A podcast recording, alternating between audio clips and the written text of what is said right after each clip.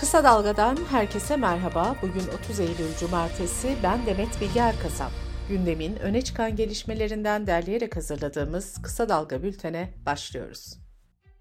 Bu yıl 60. kez yapılacak olan Antalya Altın Portakal Film Festivali, kanun hükmü belgeseli üzerinden yaşanan sansür krizinin ardından iptal edildi. Bu yıl 7-14 Ekim arasında yapılması planlanan festivalin iptalini aynı zamanda Altın Portakal Film Festivali'nin başkanı olan Antalya Büyükşehir Belediye Başkanı Muhittin Böcek duyurdu. Kanun hükmünde kararname ile ihraç edilen bir öğretmen ve bir hekimin hikayesini ve yargı mücadelesini anlatan Kanun Hükmü belgeseli festival seçkisinden çıkarılmıştı. Tepkilerin ardından film yeniden seçkiye alınmıştı. Ancak bu kez de Kültür ve Turizm Bakanlığı belgeselin FETÖ propagandası yaptığını öne sürüp festivalden çekilmişti. Ardından da Gençlik ve Spor Bakanlığı tahsis edilen salonu vermeyeceklerini duyurmuştu. Gezi davasında Yargıtay'ın Osman Kavala'ya verilen ağırlaştırılmış müebbet ve Can Atalay, Tayfun Kahraman, Çiğdem Mater ve Mine Özerden'e verilen 18'er yıl hapis cezasını onamasına yönelik tepkiler sürüyor. T24'ten Gökçer Tahincioğlu'nun haberine göre Yargıtay kararında gezi eylemleri toplum mühendisliği ve iki yıl önceden hükümeti devirmek için planlanmış şiddet hareketi olarak tanımlandı. Yargıtay, Ali Hakan Altınay, Yiğit Ali Ekmekçi ve Mücella Yapıcı'ya verilen cezaları bozdu. Yapıcı ve Altınay tahliye edildi. CHP'li Enis Berberoğlu, Yargıtay kararının ardından Gezi davası hükümlülerini ziyaret etti. Berberoğlu'nun aktardığına göre Osman Kavala, Yargıtay kararını hukuk ve insan hayatına değer vermeyen bir anlayışın ürünü sözleriyle değerlendirdi. Tayfun Kahraman ise biz güçlüyüz ve kötülüğü yeneceğiz. Hukuk içinde mücadelemize devam edeceğiz dedi. Can Atalay da kararla ilgili şu ifadeleri kullandı. Bu denli adaletsizlik sadece devleti değil toplumu da çürütüyor. Herkesin böyle bir adaletsizliğe karşı durmasını bekliyorum.'' Tayfun Kahraman'ın eşi Meriç Demir Kahraman da tepkisini sosyal medyadan dile getirdi.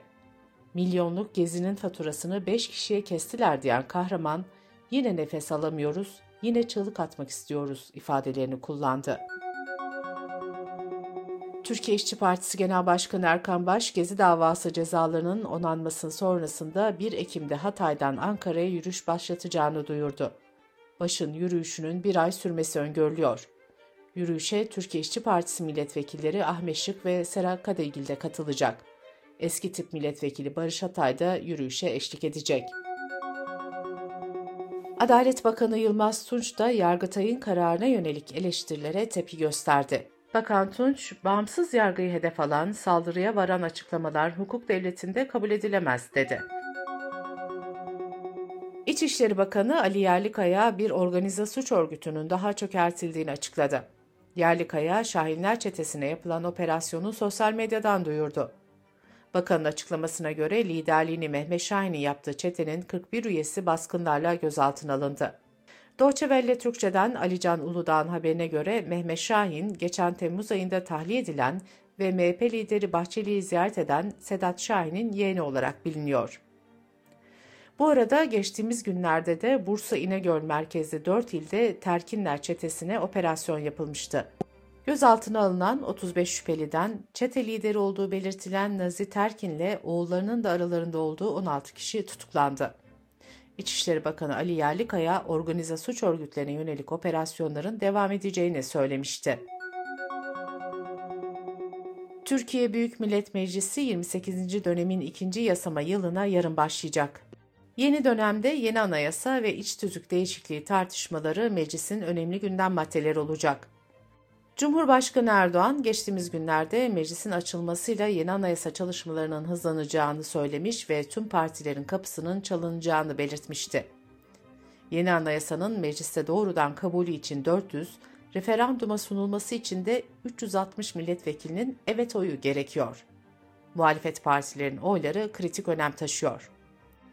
CHP milletvekili Sevda Erdan Kılıç, anayasa taslağının Cumhurbaşkanlığı bürokratları tarafından kapalı kapılar ardında hazırlandığını belirterek olumsuz yanıt vereceklerini söylemişti. İyi Parti'den ise anayasa çalışmalarının yerel seçim sonrasına bırakılması önerisi gelmişti. Deva Partisi sözcüsü İdris Şahin ise samimi bir girişim olursa katkı sağlamaya hazırız açıklamasını yapmıştı. Türkiye yağışlı havanın etkisi altına girdi. Önce batıda sonra Anadolu'da yağmur geçişleri olacak, sıcaklıklar 3 ila 4 derece azalacak. Bu arada AKOM'da bir açıklama yaparak 1 Ekim pazar günü İstanbul'da öğle saatlerine kadar bölgesel olarak şiddetli yağışların görülebileceği uyarısını yaptı. Kısa Dalga Bülten'de sırada ekonomi haberleri var. Türk İş'in araştırmasına göre Eylül ayında 4 kişilik bir ailenin açlık sınırı 13.300 lirayı, yoksulluk sınırı ise 43.400 lirayı geçti. Bekar bir çalışanın yaşama maliyeti de aylık 17.330 lira olarak hesaplandı. Gıda fiyatları Eylül'de aylık %9.31, yıllık ise %84 oranında arttı. Araştırmaya göre 2021 Ocak'tan 2023 Eylül'e kadar 4 kişilik ailenin aylık gıda harcaması tutarı 5 katına çıktı. 1 Ekim'den itibaren geçerli olacak yeni elektrik fiyat tarifesi belirlendi. Yeni tarifeye göre konut aboneleri için zam yapılmadı. Sanayi ve ticarethane abonelerinin kullandığı elektriği ise %20 oranında zam yapıldı. Türkiye İstatistik Kurumu Ağustos ayına ilişkin dış ticaret verilerini açıkladı. Ağustos'ta dış ticaret açığı 8.66 milyar dolar oldu. 12 aylık dış ticaret açığı ise 109,5 milyar dolar olarak hesaplandı. Hazine ve Maliye Bakanı Mehmet Şimşek yatırımcı buluşmaları kapsamında Ekim ayında Londra, Paris ve Marrakeş'i ziyaret edecek. Bakan Şimşek'in bu toplantıların ardından ay sonunda da ikinci Körfez turunu gerçekleştirmesi bekleniyor. Dış politika ve dünyadan gelişmelerle bültenimize devam ediyoruz. ABD Senatosu Dış İlişkiler Komitesi Başkanlığı'nı Bob Menendez'den devralan kıdemli Demokrat Senatör Ben Cardin, Türkiye F-16 satışı ile ilgili açıklamalarda bulundu. Cardin, komisyonun kararında Türkiye'nin İsveç'in NATO üyeliğini kabul etmesinden başka konularında etkili olacağını söyledi. Komitenin eski başkanı Senatör Menendez hakkındaki rüşvet iddiaları nedeniyle istifa etmişti. Dış İlişkiler Komitesi'nin uzun süre başkanı olan Menendez, ABD'nin Türkiye F-16 savaş uçakları satmasına karşı çıkıyordu. Azerbaycan operasyonu sonrası Dağlık Karabağ'dan Ermenistan'a geçen Ermenilerin sayısı 85 bine yaklaştı.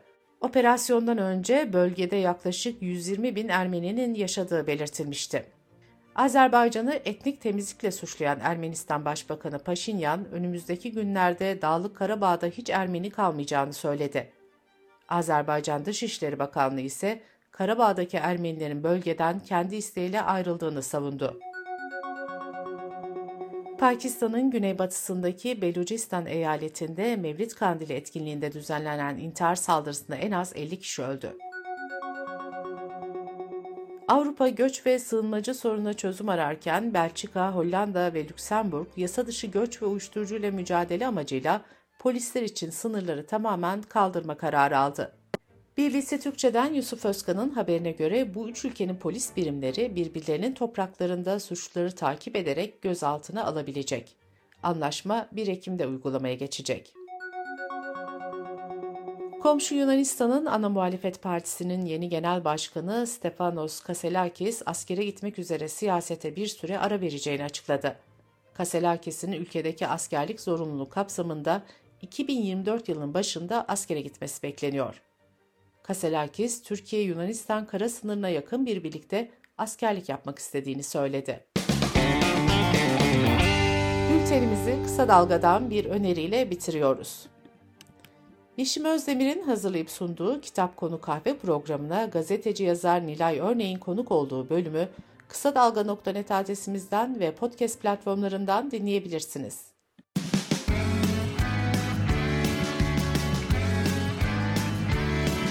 Kulağınız bizde olsun. Kısa Dalga Podcast.